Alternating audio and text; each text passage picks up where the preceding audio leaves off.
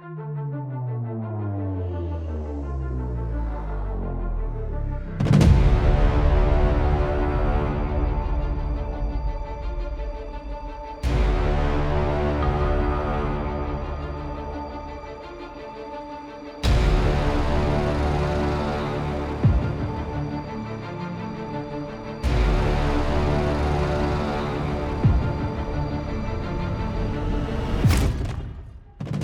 Cześć, witam na moim kanale. Ja mam na imię Piotrek i zapraszam Cię serdecznie do odsłuchania jednego z odcinków mojej audycji pod tytułem Stenogramy zbrodni.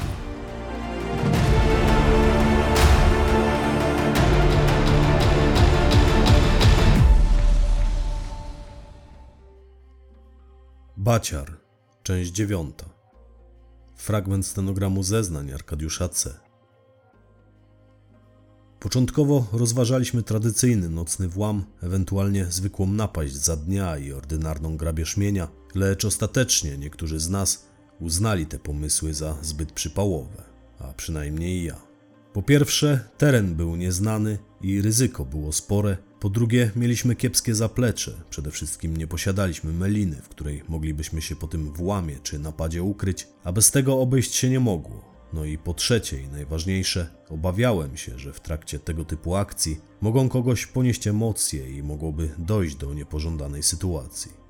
Do sytuacji, w której żaden z nas nie chciałby się znaleźć. Po prostu młody byłem i wtedy jeszcze brzydziłem się przemocą. Ale w związku z tym, że czas nas gonił, bo ten nie jest sprzymierzeńcem bandyty, musieliśmy jak najszybciej opuścić Sopot, ponieważ atmosfera wokół nas z dnia na dzień gęstniała coraz bardziej. Ten frajer, którego zrobiliśmy na szaro, nie odpuszczał. Wciąż się na nas szykował i szukał nas z kolegami, więc nie mając jakby innego wyjścia, postanowiliśmy nie rozwlekać się, działać tu i teraz, nawet na srogim przypale a potem zwiać w Polskę i Melinę ogarnąć sobie na gorąco. Kiedy Wesoły przedstawił nam ostateczną wersję swojego planu, na koniec stwierdził: No kurwa, mordziate, najwyżej się nie uda. I poszliśmy w to, jak już mówiłem, praktycznie na rympał. Ja w tamtym czasie zapatrzony w niego byłem jak w obrazek, poszedłbym za nim w ogień. Gdyby nawet bank chciał wtedy zrobić, to też mógłby na mnie liczyć. Kryminalny świat to świat autorytetów. Wesoły był jednym z moich, jednym z dwóch. Tym razem posłużyliśmy się może niezbyt popularną, lecz w pewnych kręgach też dość oklepaną już metodą oszustwa. To była metoda na policjanta w ówczesnej wersji.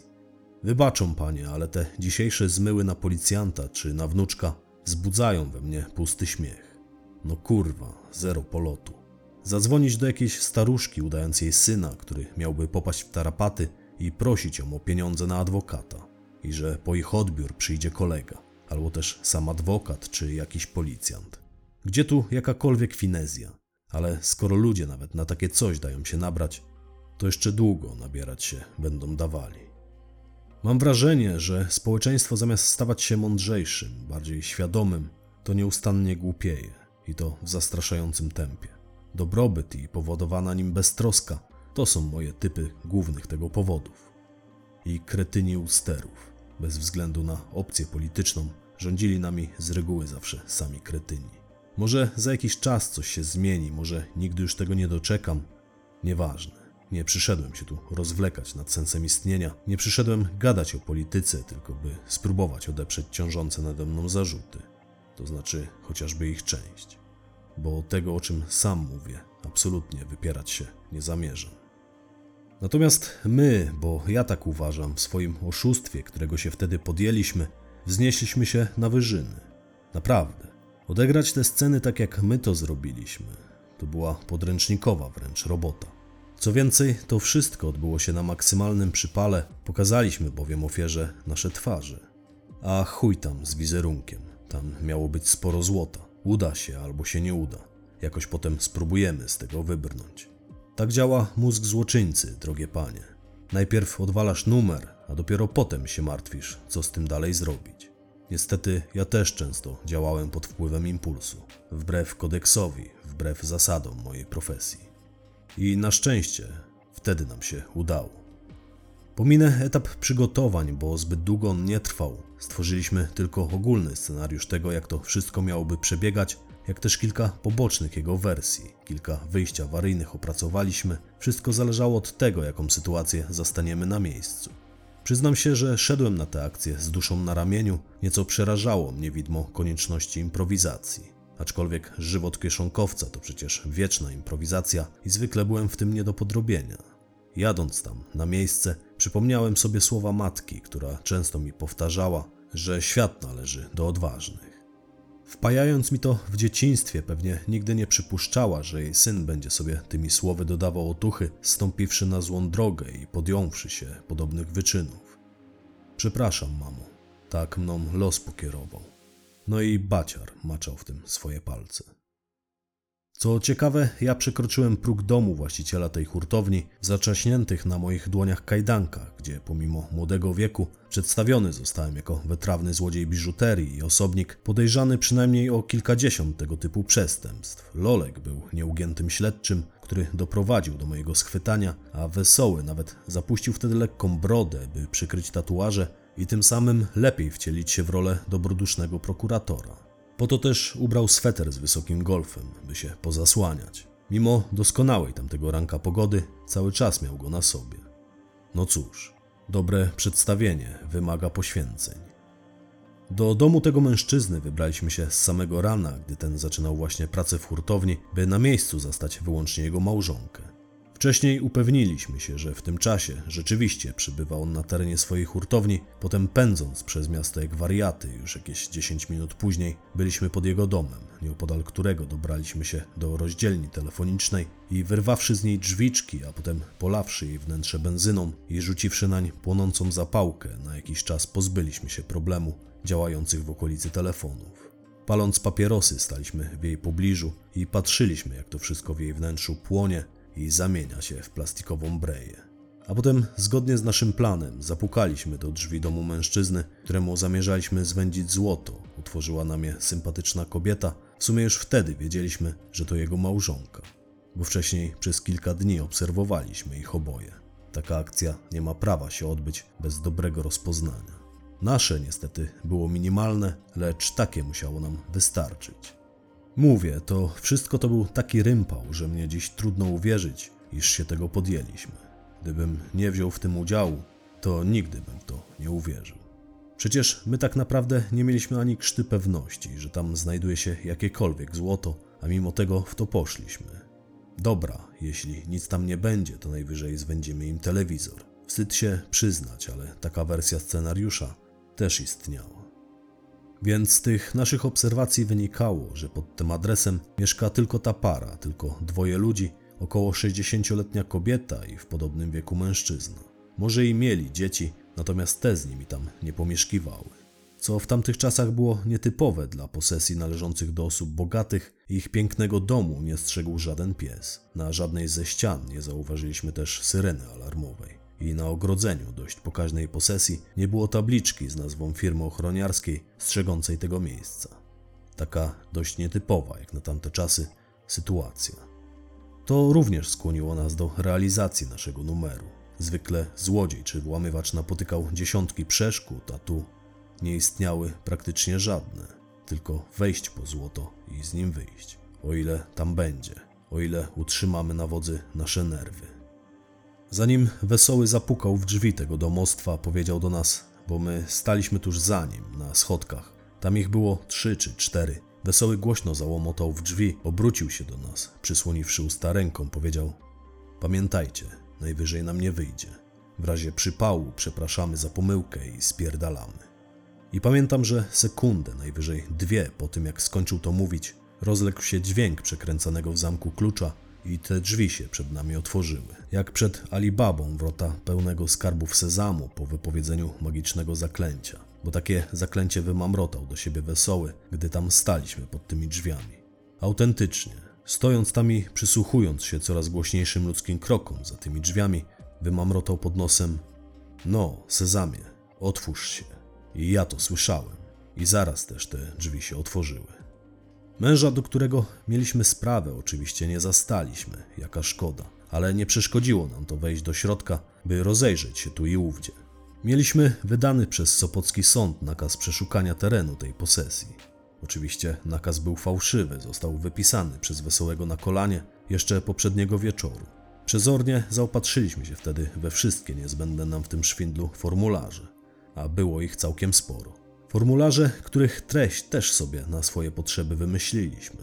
Jak sobie dziś pomyślę, jakie bzdury tam były popisane, wciąż pamiętam błąd w nagłówku formularza przeszukania.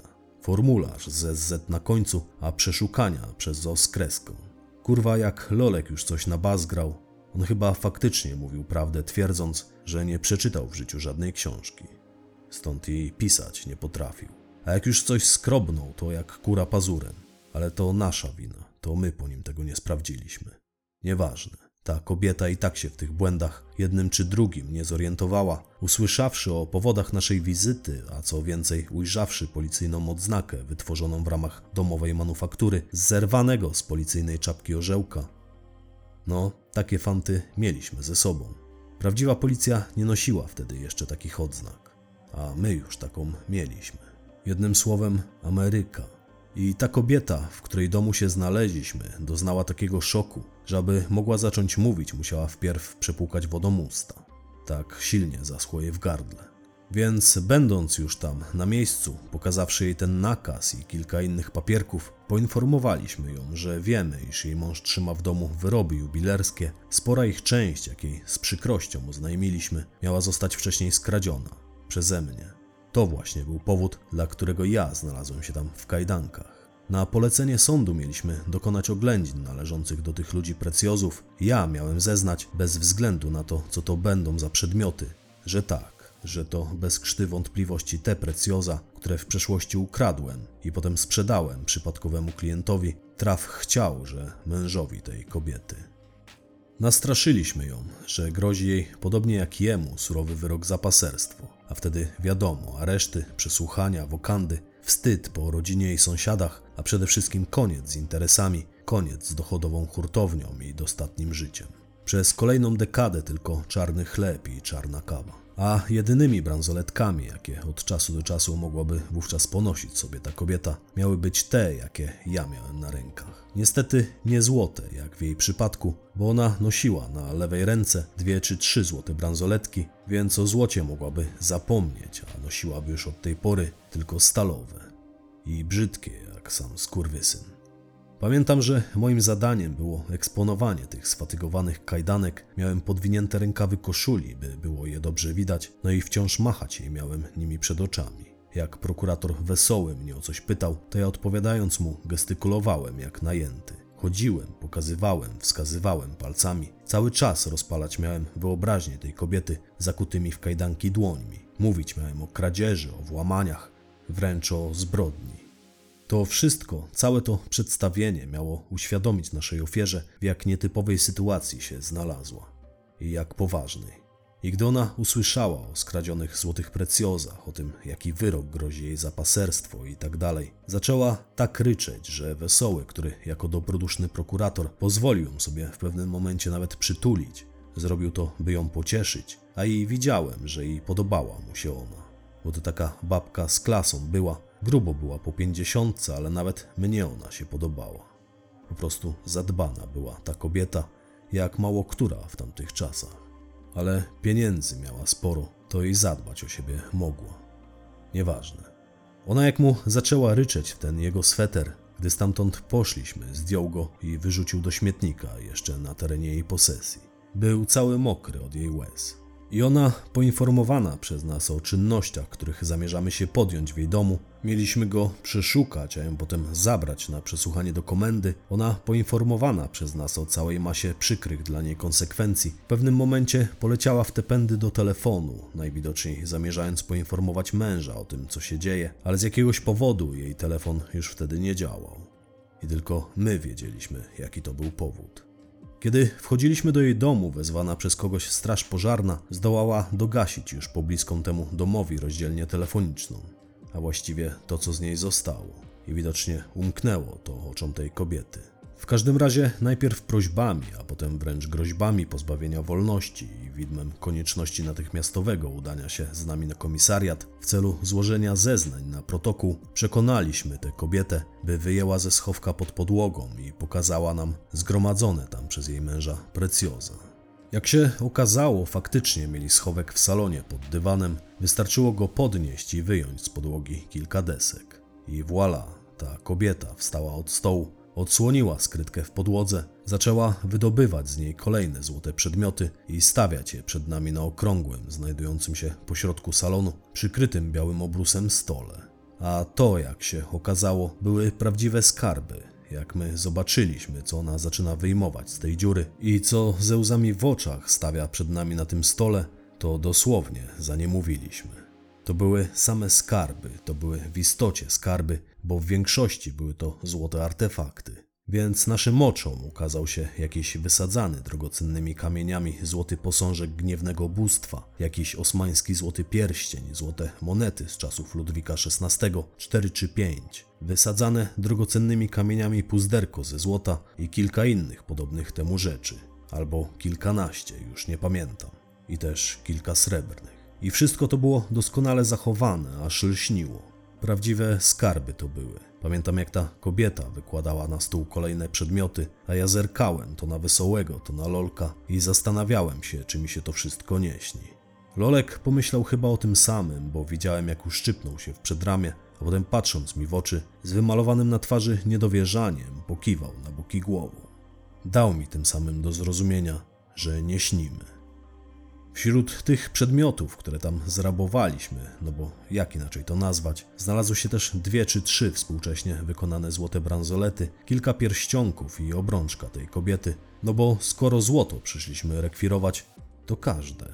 Potem sobie pani tę obrączkę odbierze, a teraz musimy ją zabrać. Dla dobra sprawy i dla pani dobra. Nie spodziewałem się, że wesoły to powie, a jednak powiedział. Ogołociliśmy ich ze złota do cna. Szanowne panie, my nie byliśmy na coś takiego przygotowani. Pamiętam, że wtedy po raz pierwszy w życiu udzieliła mi się prawdziwa, legendarna gorączka złota, bo od patrzenia na te przedmioty aż rozbolała mnie głowa. Dosłownie był taki moment, kiedy zaczęło kręcić mi się przed oczami ale nie wyszedłem z roli. Wskazując zakutymi w kajdanki dłońmi poszczególne artefakty, mówię w obecności ich właścicielki i prokuratora Wesołego, bo Lolek wtedy kręcił się gdzieś po pokojach, udawał, że zgodnie z nakazem dokonuje przeszukania domu, grzebał tam po szafkach i szufladach w poszukiwaniu gotówki, niestety nic nie znalazł. Więc ja w obecności tej babeczki i Wesołego na pewniaka, że nie im obojgu kolejny tekst w stylu to ukradłem tu i tu, to zwędziłem tam, a to ukradłem temu i stamtąd. Wtedy i wtedy.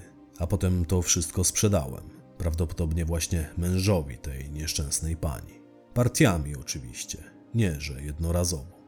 I ja sobie gadam, a patrzę, a ta kobieta oczy robi coraz większe, przysłuchując się uważnie temu, co mówiłem, aż sobie przysiadła. I nagle, wziąwszy do ręki jeden z leżących przed nią na stole złotych pierścionków, mówi: a to, co twierdzi ten pan, to jest niemożliwe, bo na przykład ten pierścionek osobiście nabyłam w sklepie z antykami w Warszawie.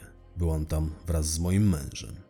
Przy stole zapanowała lekka konsternacja. Wesoły, wyczekawszy, aż kobieta odwróci wzrok, szturchnął mnie łokciem, bym coś powiedział, więc się wtryniłem. Wszedłem kobiecie w słowo i stwierdziłem, że musiałem się co do tego akurat pierścionka pomylić, a właściwie to sobie właśnie przypomniałem, że faktycznie sprzedałem go jakiemuś antykwariuszowi z Warszawy.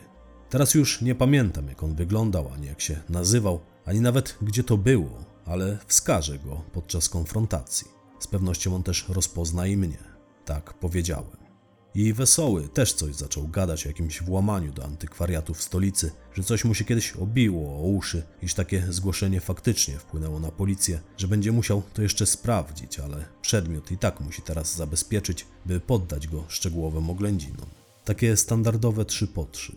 A ta kobieta znowu w ryk, a my ten pierścionek myk do nesesera do nesesera i do plecaka, który też tej kobiecie zarekwirowaliśmy, bo łącznie było tego złota tyle, że do skórzanego nesesera prokuratora Wesołego zmieściła się tylko jego część. Potem prokurator Wesoły, który zbyt słabo się przygotował, wystawił tej kobiecie pokwitowanie na wszystkie zarekwirowane przedmioty, pobieżnie opisał w nim każdy z nich, złożył na nim swój podpis, przedstawił go tej kobiecie do podpisu, powiedział, a właściwie to przyrzekł jej, o Boże, jak on się tam zarzekał, że to wszystko po oględzinach trafi do niej z powrotem, że nikt jej tego nie odbierze, a ona, a ona mu uwierzyła. Ale pamiętam, że była tak wystrachana i skołowana, iż gotowa była chyba uwierzyć nam we wszystko, byle tylko ten koszmar się już skończył. To akurat autentyczne jej słowa. Powiedziała to przynajmniej kilka razy, że chciałaby, aby ten koszmar się już skończył. A Lolek ze dwa razy wtrącił, że to niestety dopiero początek. Zdążył jej też opowiedzieć, w jaki sposób wpadł na mój trop i zdołał mnie aresztować. I napomknął jej, jak cuchnie więzienna cela. Pamiętam, jak wychodziliśmy stamtąd. Opuszczaliśmy obszerny, pięknie i bogato urządzony salon. Lolek łypał oczami na sprzęt RTV, który się tam znajdował, ale nie mieliśmy podstaw, by ten również zabezpieczyć. No i wolnych rąk nie mieliśmy już. W sumie nie mieliśmy nawet ochoty na to. Ja specjalizować się miałem w kradzieży biżuterii i to po nią tam przecież poszliśmy. Po nią albo po nic. Lolek potem długo psioczył, że taka okazja przeszła nam koło nosa. No cóż, nie można mieć wszystkiego. W każdym razie wychodzimy czym prędzej z salonu i pamiętam, że Wesoły niespodziewanie spytał wówczas tę kobietę, czy ta zawieszona nad kominkiem myśliwska dubeltówka jest prawdziwa, czy to tylko replika. Ona mówi, no chyba prawdziwa, bo mój mąż jeździ z nią na polowania. I prokurator Wesoły poprosił ją, by pokazała nam pozwolenie na broń jej męża, a w związku z tym, że ona nie potrafiła go znaleźć, ręce trzęsły się jej jak galareta, ona podpisać się nie potrafiła na podstawionych jej przez nas pseudoprotokołach, a co dopiero grzebać gdzieś w papierach, myśleć logicznie. Osobiście nieco obawiałem się, że ona nam tam zemdleje, ale nie zemdlała. I to był potem już jedyny mój strach. Widok tych precjozów odgonił wszystkie inne. Więc skoro pozwolenia nie znalazła na tę dubeltówkę, to ją też musieliśmy skonfiskować. No a jakżeby inaczej. Wesoły zdjął ją ze ściany, a potem włożył do kieszeni też garść cygar. Tam na kominku stała pełna kubańskich pyszności cygarnica. Potem wręczył dubeltówkę Lolkowi i poszliśmy. Sami, bez tej kobiety. Co najśmieszniejsze w tym wszystkim, ja wychodziłem stamtąd wciąż zakuty w kajdanki, ale z przewieszonym przez prawe ramię plecakiem pełnym złota. No, ktoś musiał to targać. Plecakiem. To był taki średniej wielkości szmaciany harcerski plecak. Ona wygrzebała go skądś na naszą prośbę, ja już nie pamiętam skąd. Więc jak stwierdził w pewnym momencie prokurator Wesoły, ta kobieta była w takim stanie, że nie powinna była ruszać się z domu. I wystawił jej wezwanie do stawiennictwa do komendy, ale na kolejny dzień. Miała przyjść, gdy już ochłonie. Nie dzisiaj, jutro. Tyle, że nie mieliśmy na to formularza, więc napisał jej to wezwanie na odwrocie innego formularza. Nigdy nie zapomnę, jak doskonale odegrał on wtedy swoją rolę, jak czule chuchał na końcówkę długopisu, by go rozpisać, po tym jak ten pisać w jego ręce zaprzestawał, ani tego jak zamaszyście składał na kolejnych formularzach swój elegancki, prokuratorski podpis. I on na tyle był w tym wszystkim bezczelny jeszcze i pewny siebie, że na każdym z tych świstków podpisał się wesoły.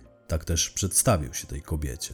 Pamiętam, jak odjeżdżaliśmy stamtąd, Lolek był tak podekscytowany naszym łupem, że nie potrafił odpalić sobie zdobycznego cygara. Ręce trzęsły mu się chyba bardziej niż naszej ofierze. On żadnego słowa nie mógł z siebie wydobyć, trząsł się jakby ostatnie pół godziny spędził w zamrażarce, bo tyle mniej więcej trwała ta nasza akcja. Z pewnością nie trwała dłużej niż pół godziny. A i ja czułem podobne emocje, też lekko ręce mi się wciąż trzęsły. Dopiero po kolejnej półgodzinie, gdy byliśmy już w drodze do Szczecina, bo postanowiliśmy nie wracać z tym łupem do siebie, ale spędzić jeszcze dzień czy dwa na północy kraju. Ostatecznie spędziliśmy kilka tygodni.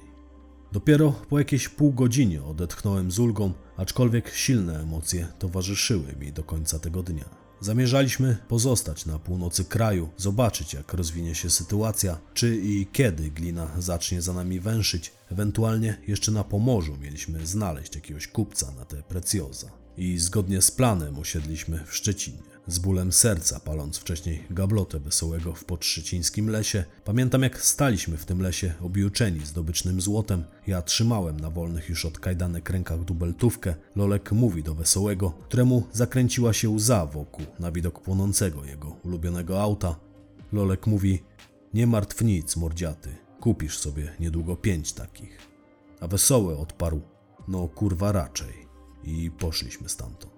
W oddali słychać już było syreny pędzącego w naszym kierunku wozu straży pożarnej, bo to trzeba odstać, odczekać, aż auto zapłonie całe. Tam jest zawsze pełno odcisków palców, pełno zapachów, a akurat ten samochód był zarejestrowany na Wesołego i długo przez niego użytkowany. Musieliśmy poczekać, aż spłonie cały. Nie wzięliśmy na tę akcję innego auta, starając się zminimalizować możliwy przypał. Auto, jak wiadomo, musiałoby też być trefne. I pod dom tej kobiety pojechaliśmy autem wesołego, tylko tablice rejestracyjne mu wcześniej zmieniliśmy na jakieś inne. Nie, po numerach silnika też by go nie znaleźli. Zatarliśmy je przed akcją, podobnie jak numery karoserii. Szanowne panie, my się nie urwaliśmy z choinki.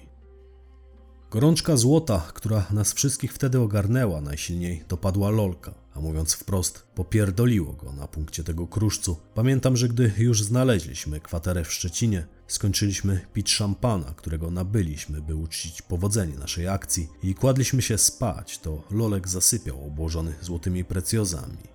Mówię do niego, weź Lolo, nie odpierdalaj maniany.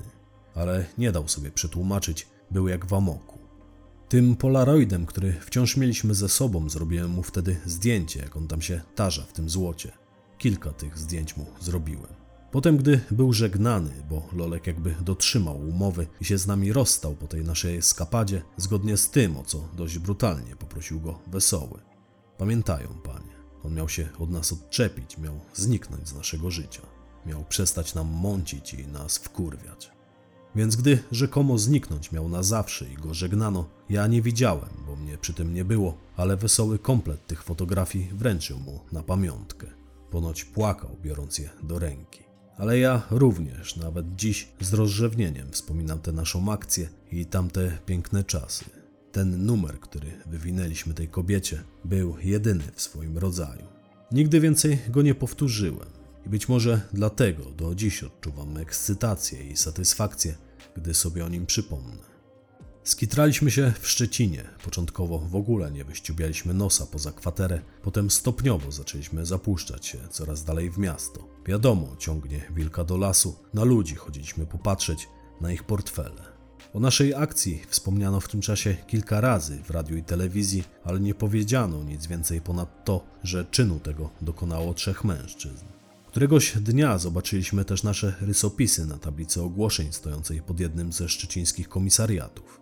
Pamiętam, że wyraziłem wtedy powątpiewanie co do umiejętności policyjnego rysownika, który je stworzył. A może to po prostu ta kobieta zapamiętała nas w taki, a nie inny sposób.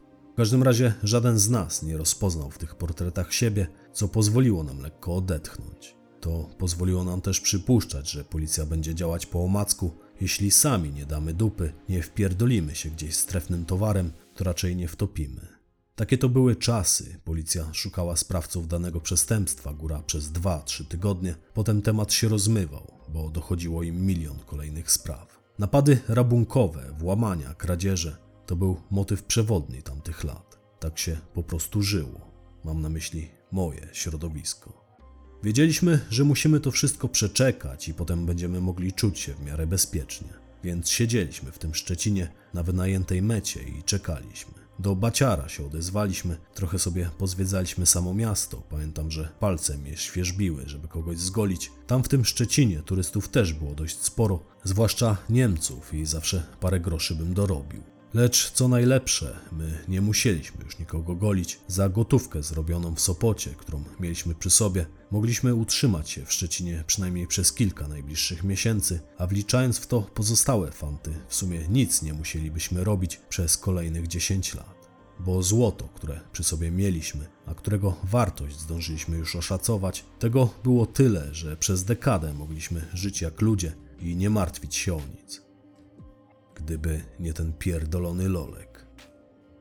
To los tak chyba chciał, że w pewnym momencie zmuszeni byliśmy zmienić melinę na inną.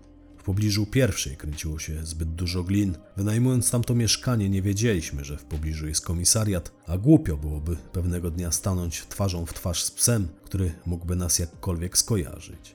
Policji unikaliśmy zwykle jak ognia. Więc po kilku dniach przenieśliśmy się w pobliże dworca Szczecin Główny. Stała tam ogryziona zębem czasu kamienica. W niej było kilka mieszkań. Właścicielka tego, do którego się wprowadziliśmy, nie zadawała zbędnych pytań. I widok tam z okien był ponętny, pamiętam, na sieć torów kolejowych, dworzec i pobliskie mu budynki. W razie czego łatwo było stamtąd spierdolić i było też gdzie się ukryć. Mieszkanie znajdowało się na parterze. Więc przesiadując tam w tym mieszkaniu, lubiliśmy zapalić sobie w oknie. W tym czasie przyglądaliśmy się temu, co działo się w pobliżu dworca. Dwa razy dziennie odjeżdżał wtedy stamtąd pociąg pasażerski do Berlina, a jednym z jego wagonów był wagon pocztowy, który w pewnym momencie przykuł szczególną uwagę Lolka.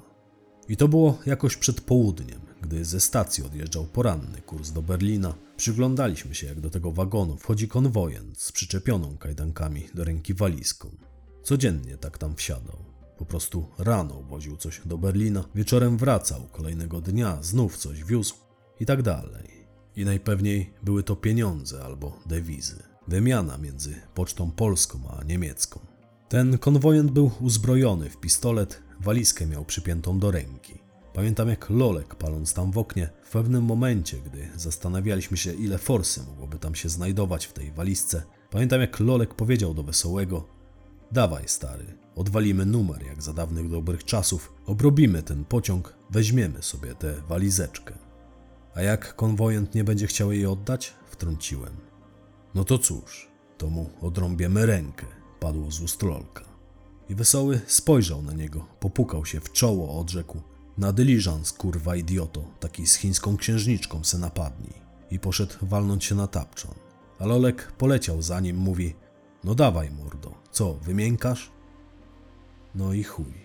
I już było po wszystkim. Było wiadomo, że my tego konwojenta obrobimy tak czy siak.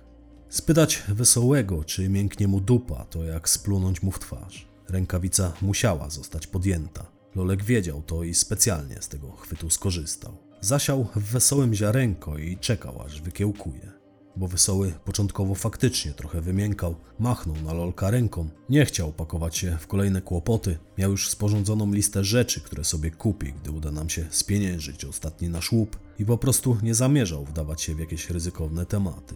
To miał być przecież jednorazowy numer, aczkolwiek w przeszłości odwalił z Lolkiem ponoć sporo jemu podobnych.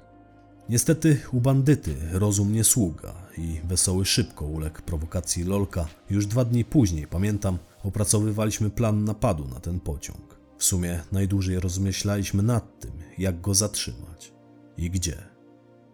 Nie, nie zamierzaliśmy nim wyruszyć w trasę jako pasażerowie, by w którymś momencie ze zwykłych pasażerów przemienić się w złoczyńców. Zbyt dużo ludzi mogłoby nas zapamiętać. Ryzyko było zbyt duże.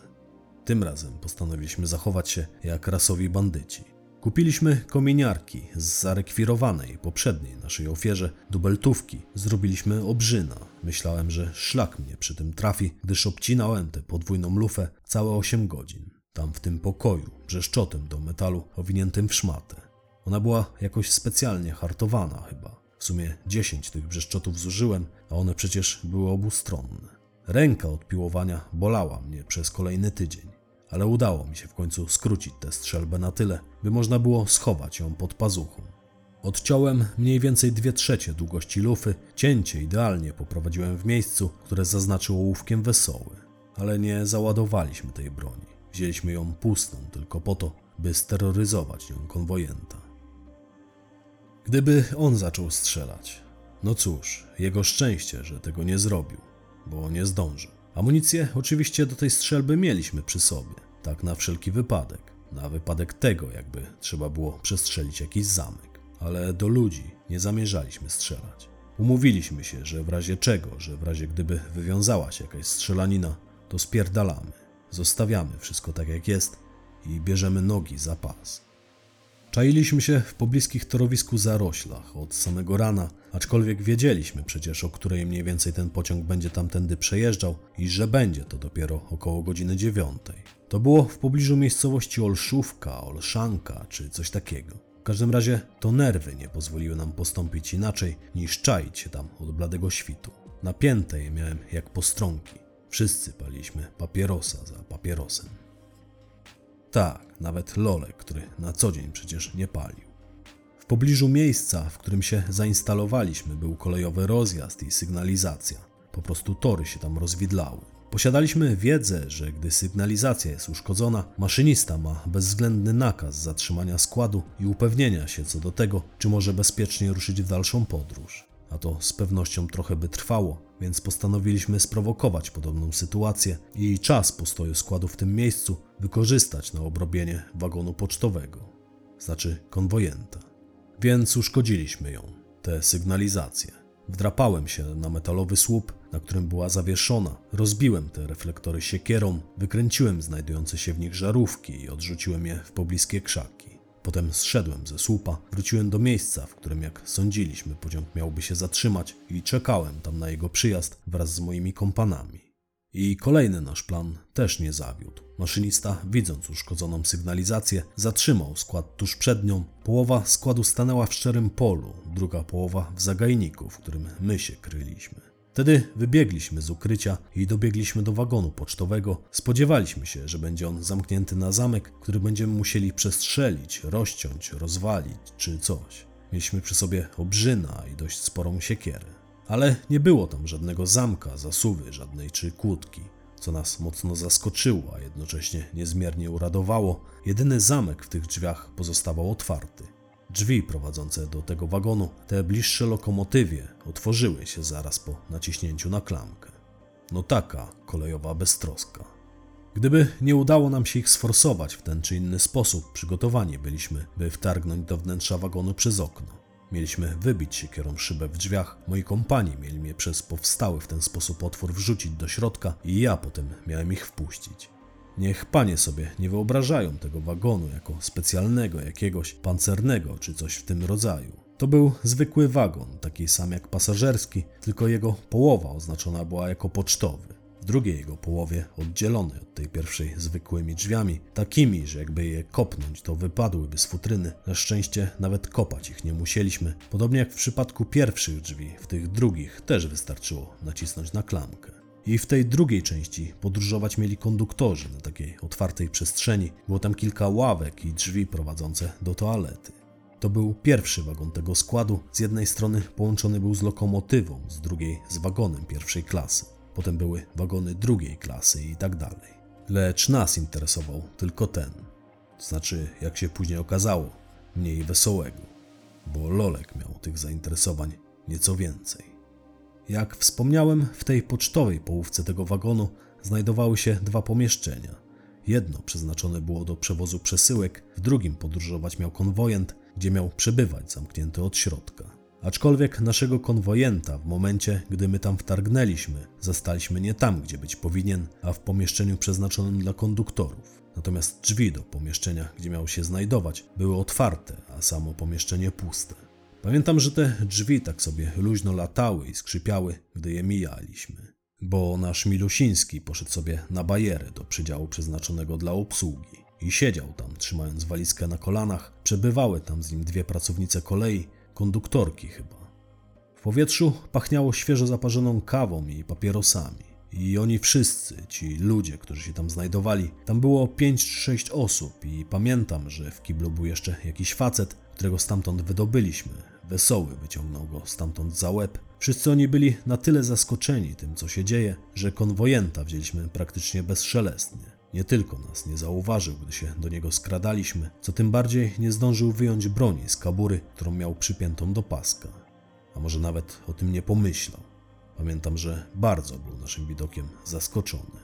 To wesoły mu tę jego broń wyjął, trzymając go już wtedy na muszce obrzyna. To był jakiś pistolet. Ja już nie pamiętam jaki, bo my go co prawda mu zabraliśmy. Wesoły wyjąwszy go temu facetowi z kabury, przekazał go od razu Lolkowi, ale potem wyrzuciliśmy go, kiedy okazało się, że to śmieć, że to zwykły klamot, pieprzona gazówka. I to wesoły przeciął ten łańcuch, który łączył rękę konwojenta z walizką, posłużyła nam do tego przyniesiona przez nas siekiera. Nigdy nie zapomnę tej sceny. Ja trzymam na muszce stojących pod ścianą wagonu ludzi, oni natomiast z przerażeniem patrzą, jak nad leżącym na podłodze konwojentem staje wesoły z siekierą w rękach, unosi tę siekierę nad głowę, bierze spory zamach i, i trafia w sam środek rozciągniętego pomiędzy dłonią a walizką łańcucha. Rozciął go mniej więcej w połowie. Potem wesoły pochylił się, podniósł tę walizkę z ziemi i obróciwszy się do mnie, wręczył mi ją, po czym zastygł. Widzę, że się rozgląda i pyta się mnie: A gdzie jest ten dureń? Ja spojrzałem za siebie, patrzę tam, gdzie jeszcze przed chwilą stał Lolek, a jego faktycznie nie ma. Znajdź mi tego jebanego durnia, natychmiast, wrzasnął wesoły. Więc poleciałem tam, dokąd w pierwszej kolejności przyszło mi do głowy, w stronę wagonu pasażerskiego pierwszej klasy. I odnalazłem tam naszego Lolka, który w jednym z przedziałów, grożąc przebywającym w nim pasażerom odebranym konwojentowi klamotem, golił ich z pieniędzy i kosztowności. Podszedłem do niego, mówię mu do ucha: Pojebało cię? Wesoły powiedział, że masz wracać. Już idę, odparł Lolek, po czym faktycznie wrócił ze mną do przedziału dla obsługi. Nie zapomnę, jak dostał w ryj od Wesołego, gdy zdołaliśmy się oddalić już z tamtego miejsca i Wesoły uznał, że możemy już zdjąć kominiarki i chwilę odsapnąć. Biegliśmy wtedy przez jakiś las. Spodziewałem się, że po ciosie, który otrzymał lolek i po którym wrył się twarzą w ziemię, będzie trzeba go nieść. Na szczęście nie trzeba było. On wiedział, że jak nie pójdzie dalej o własnych siłach, to Wesoły był na tyle wkurwiony, że mógł go tam zastrzelić jak psa. Potem jeszcze raz dostał w ryj, gdy znaleźliśmy się już na Melinie. A jak się pozbierał, Wesoły wysypał przed nim zawartość zdobytej przez nas walizki. Powiedział, rozdziel te pieniądze, tylko porówno, bo jak nas oszukasz, to ja ci oddzielę, ale duszę od ciała. Myślą panie, że to był ostatni jego głupi wybryk. No to słuchajcie dalej. Siedzieliśmy z tydzień na Melinie, w ogóle nie wyściubialiśmy stamtąd nosa. Pamiętam, że skończyły nam się w pewnym momencie zapasy. Od dwóch dni żarliśmy już tylko smażony na oleju chleb. Tylko chleba nam sporo zostało i ze dwie butelki oleju. I wesoły wysłał Lolka po jakieś mięso. A po jego powrocie, jeszcze wieczorem tego samego dnia, ja zorientowałem się, że wśród zgromadzonych przez nas fantów brakuje jednej bransoletki. Złotej oczywiście. Co się okazało? Okazało się, że ten nasz przygłupi wspólnik miał na tyle mało rozumu, że ją wyniósł z meliny i zastawił w lombardzie, bo potrzebował na drobne wydatki, między innymi na wódkę. Wesoły po tej akcji w pociągu w ogóle pozbawił go dostępu do pieniędzy, więc Lolek był nie tylko spragniony, ale też goły. Poszedł na zakupy, wstąpił do lombardu, wrócił śmierdzący jakimś piwskiem i wódą. Ja czułem od niego alkohol, wesoły chyba też, ale nie robiliśmy z tego jakiegoś szczególnego problemu. W sumie żaden z nas słowem się nie odezwał. Chciał się Lolek napić, to się napił. Pozwolą panie, że pominę to, co się stało w momencie, gdy odkryliśmy, że ten głupek wyniósł z meliny trefne fanty. Nie, wesoły już go nie bił. Wiedział, że to nie ma sensu i nie przyniesie żadnego efektu. On mu wtedy powiedział, że następnego dnia, jak tylko z samego rana po otwarciu lombardu odbierze stamtąd bransoletkę, to ma wypierdalać. I to bez pieniędzy. My mieliśmy spłacić w jego imieniu wszystkie jego długi. I on się zgodził. Napisał nam nawet na kartce, komu oddać i ile.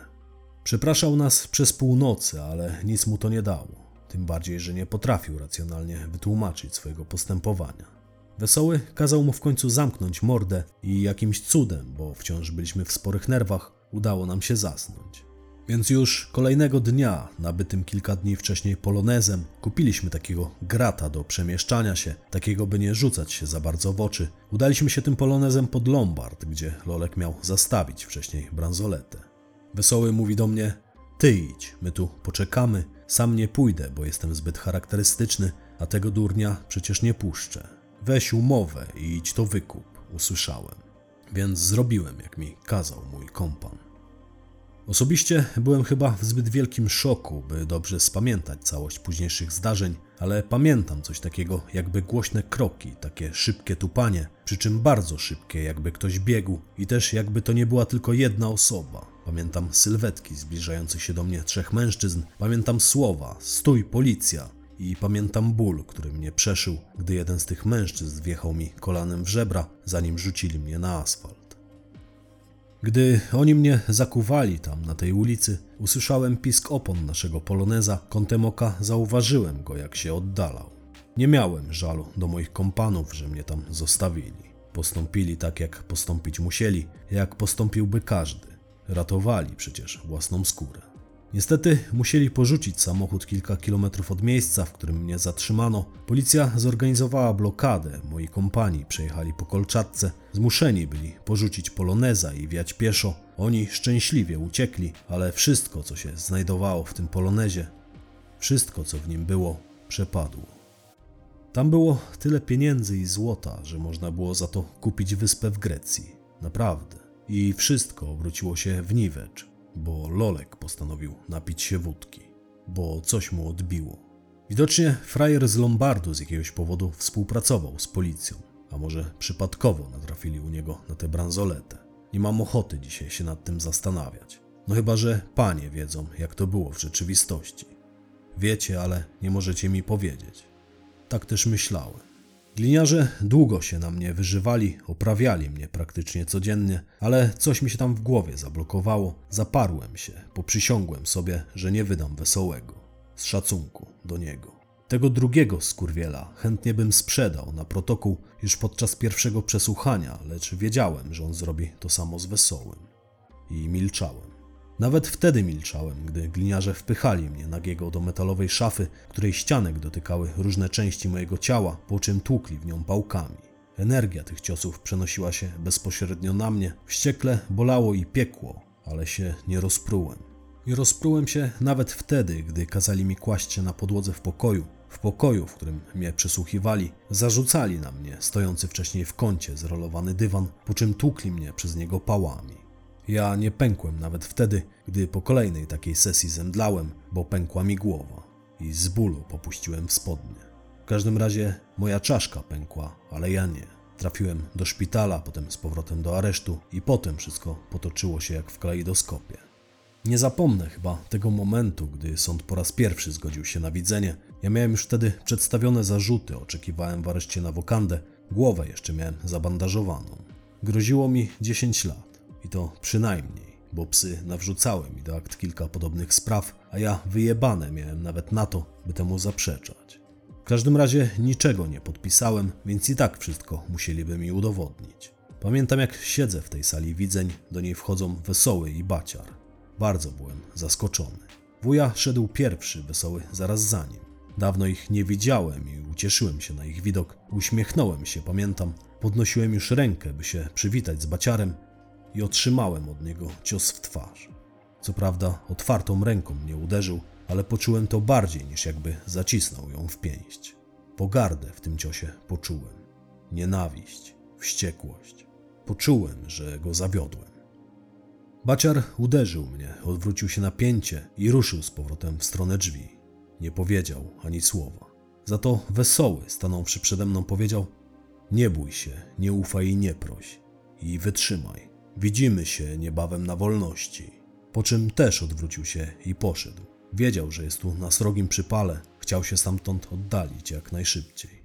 Ja, doczekawszy, aż zamknęły się za nimi drzwi, usiadłem na metalowym taborecie, ale nie pamiętam, czy się rozpłakałem. Raczej nie. Wciąż w głowie wybrzmiewały mi słowa Wesołego, który zanim opuścił to pomieszczenie, jeszcze stojąc tuż przed drzwiami na zadane mu przeze mnie pytanie, niebawem to znaczy kiedy? Odparł wkrótce.